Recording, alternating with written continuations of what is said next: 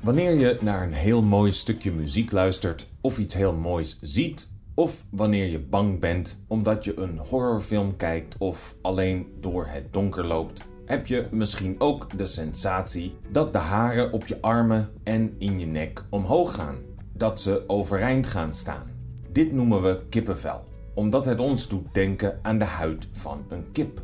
Dat klinkt misschien grappig, maar kippenvel had ooit een serieuze functie. Wat was dat en hebben we nog meer fysieke karakteristieken die we niet meer nodig hebben? En misschien een vreemde vraag, maar waarom evolueren we niet zo dat we dodelijke lasers uit onze handen kunnen schieten? Eerst even de boodschappen. Welkom bij de Dutch Today podcast. Ik ben Martijn, docent Nederlands. Deze podcast maak ik voor mensen die Nederlands studeren. Je kunt de transcriptie vinden op de website en je kunt me ook volgen op Instagram en YouTube. Alle links staan in de beschrijving. Kleine donaties voor de podcast en YouTube zijn heel welkom, want ik verdien geen geld hiermee eh, en ik moet toch tijd maken voor de content. Als je dat wil, dan kan dat via Buy Me Coffee of via PayPal. Wat was de functie van kippenvel? Dit kwam uit een tijd in onze evolutie dat we veel meer haar hadden. Dieren als katten kregen ook kippenvel, of dat krijgen ze nog steeds. Hun haren gaan overeind staan als ze bang zijn. Zo zien ze er groter uit en zo proberen ze zich te verdedigen van andere dieren die ze zouden willen aanvallen. Ik zie dit bij mijn katten als ze ruzie krijgen, dan gaat hun haar overeind staan en krijgen ze een twee keer zo dikke staart. Natuurlijk hebben wij geen haar meer op onze lichamen om ons er groter uit te doen zien. Of om het warmer te krijgen, want we kunnen ook kippenvel krijgen wanneer we het koud hebben. We voelen kippenvel het sterkst op onze armen, benen en in onze nek, maar sommige mensen voelen het ook op andere plaatsen van het lichaam, zoals in hun gezicht. En waarom voelen we het dan soms ook als we naar mooie muziek luisteren? Omdat het wordt gestimuleerd door de adrenaline in ons lichaam. Die triggert het kippenvel. En mooie muziek doet onze lichamen ook adrenaline produceren. Nog iets dat we eerst wel hadden en nu niet meer: een staart. Die hebben we dan niet meer. We hebben nog wel een staartbeen of een stuitje. En daar zat volgens de evolutietheorie onze staart vroeger aan vast. We konden de staart dan bewegen met het staartbeen. Het staartbeen bestaat uit drie, vier of vijf wervels, zoals je die ook in je rug hebt zitten en die samengegroeid zijn. Er zitten ook andere spieren vast aan het staartbeen, maar toch lijkt het niet heel belangrijk te zijn. Wanneer mensen het laten verwijderen tijdens een operatie omdat ze er bijvoorbeeld vaak pijn in hebben, hebben de meeste van deze mensen later geen last van hun spieren. Ze kunnen bewegen zoals normaal. Wat niet iedereen kan bewegen zijn de oren. Zo'n 20 tot 30 procent van de mensen kan hun oren bewegen. Maar het schijnt dat je dit ook kunt trainen. Ik kan het zelf niet. Uh, dit komt uit een tijd dat we onze oren konden bewegen, zoals veel dieren dat kunnen, om dingen beter te kunnen horen. Dit hebben ze getest in een laboratorium. Mensen moesten naar geluiden luisteren die uit verschillende richtingen kwamen. Ook werden er twee podcasts tegelijk gedraaid. Eén aan de ene kant van de kamer, de ander aan de andere kant van de kamer. Wanneer mensen werden gevraagd naar specifieke geluiden te luisteren of van de ene podcast naar de andere, zagen de onderzoekers dat de spieren rond de oren bewogen zonder dat de proefpersonen dit zelf doorhadden, zonder dat ze dit wisten. Een ander overbodig reflex dat ik zelf wel ken is slaapvallen. Dit is het gevoel dat je soms kunt hebben wanneer je op het punt staat om in slaap te vallen. Je begint te dromen en je voelt dat je misstapt, dat je omvalt. Ze zeggen dat dit komt uit de tijd dat we in bomen sliepen. Dat dit een reactie was om onze armen te stimuleren een tak te grijpen en te zorgen dat we niet uit de boom vielen. En dat ons brein nu nog steeds af en toe deze reactie heeft als een spook uit het verleden. Dit gevoel kan vaker voorkomen als je onder veel stress staat. Veel baby's hebben ook een valreflex, of eigenlijk een grijpreflex. Als je iets in hun hand doet, zoals je vinger, dan grijpen ze die heel hard vast. Het kan mensen soms verrassen hoe sterk de grip van baby's kan zijn. Baby's kunnen hun eigen gewicht ondersteunen als ze ergens aan zouden hangen. Wat heeft dit te maken met vallen? Hingen ze ook in bomen? Niet helemaal. Baby's hielden zich vaak vast aan de vacht van hun moeder, aan het haar van hun moeder. Hoe beter je je vasthield, hoe hoger de kans was dat je zou overleven. De sterkste baby's overleefden en dit gen zit nog steeds in sommige van ons. En als baby's een beetje ouder worden en kinderen zijn, dan krijgen ze soms last van hun amandelen. En dit zijn lymfeklieren in je mond. Deze gaan vaak ontsteken bij jonge mensen, dan doen ze pijn en dan worden ze verwijderd. Het lichaam accepteert de amandelen dan eigenlijk niet meer als deel van het lichaam. Het lichaam zegt zelf tegen de amandelen dat ze onnodig zijn.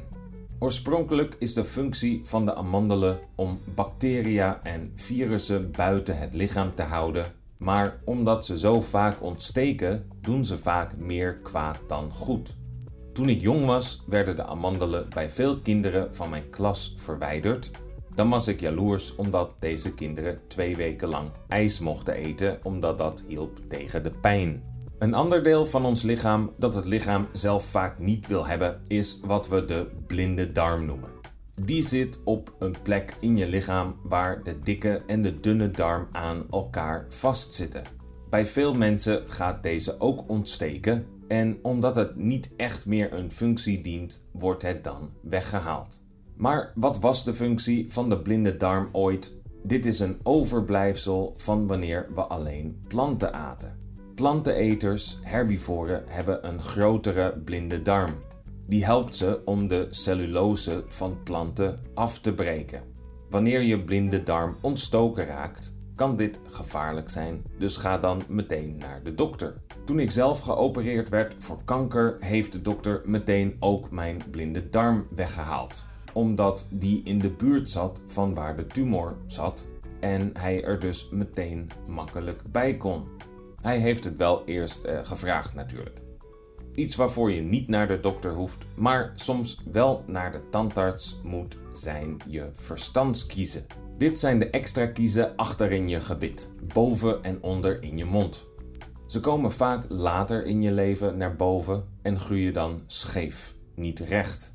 Ze geven je dan problemen als pijn in je kaak en in je hoofd en kunnen ontstoken raken.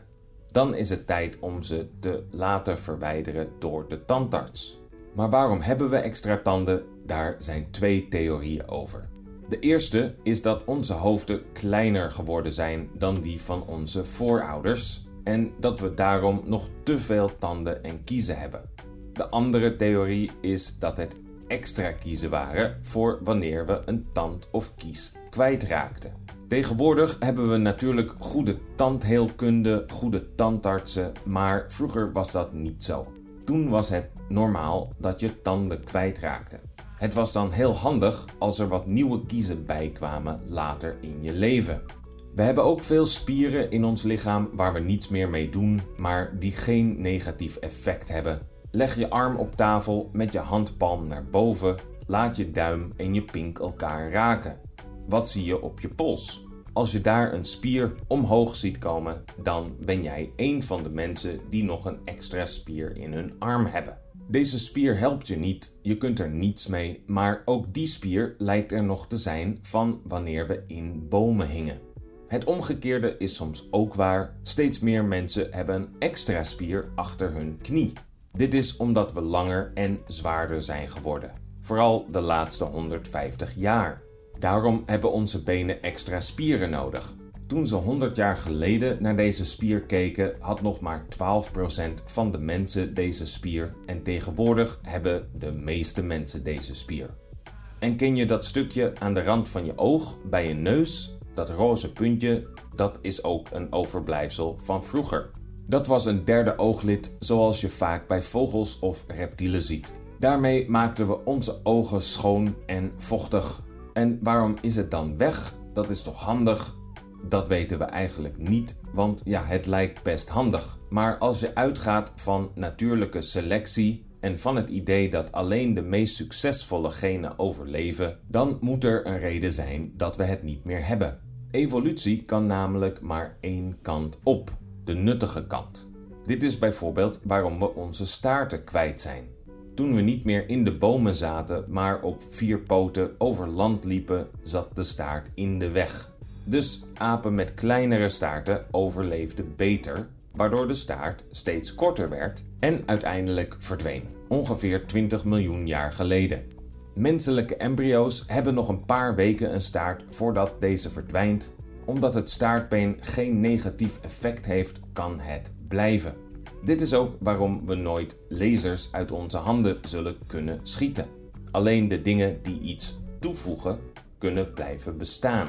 Alleen delen die iets positiefs bijdragen. Het was natuurlijk heel handig geweest als we lasers uit onze handen konden schieten op momenten dat we door tijgers of wolven werden aangevallen. Maar om van normale handen naar laserhanden te gaan, zouden er veel kleine tussenstapjes geweest zijn. Die tussenstapjes, wanneer onze handen geen normale handen meer waren en ook nog geen laserhanden, hadden ons niet geholpen. Dat was dus een stap terug geweest vanuit evolu evolutionair perspectief. En een stap achteruit, dat kan niet. Evolutie is alsof je in een landschap staat met veel heuvels en je alleen maar omhoog kunt. Je kunt nooit een stap omlaag doen om daarna een nog hogere heuvel te beklimmen. Je kunt alleen zo hoog mogelijk komen op de heuvel waar je al op staat. Wij mensen zullen dus nog wel doorgaan met evolueren, maar extreme veranderingen zullen we niet zien. Dat zullen jij en ik sowieso niet zien, uh, dan zijn wij er al lang niet meer. En over er niet meer zijn gesproken, ik moet gaan. Ik hoop dat je de podcast interessant vond en dat je je Nederlands hebt kunnen oefenen. De transcriptie staat op de website. Een fijn weekend en tot de volgende keer. Doei!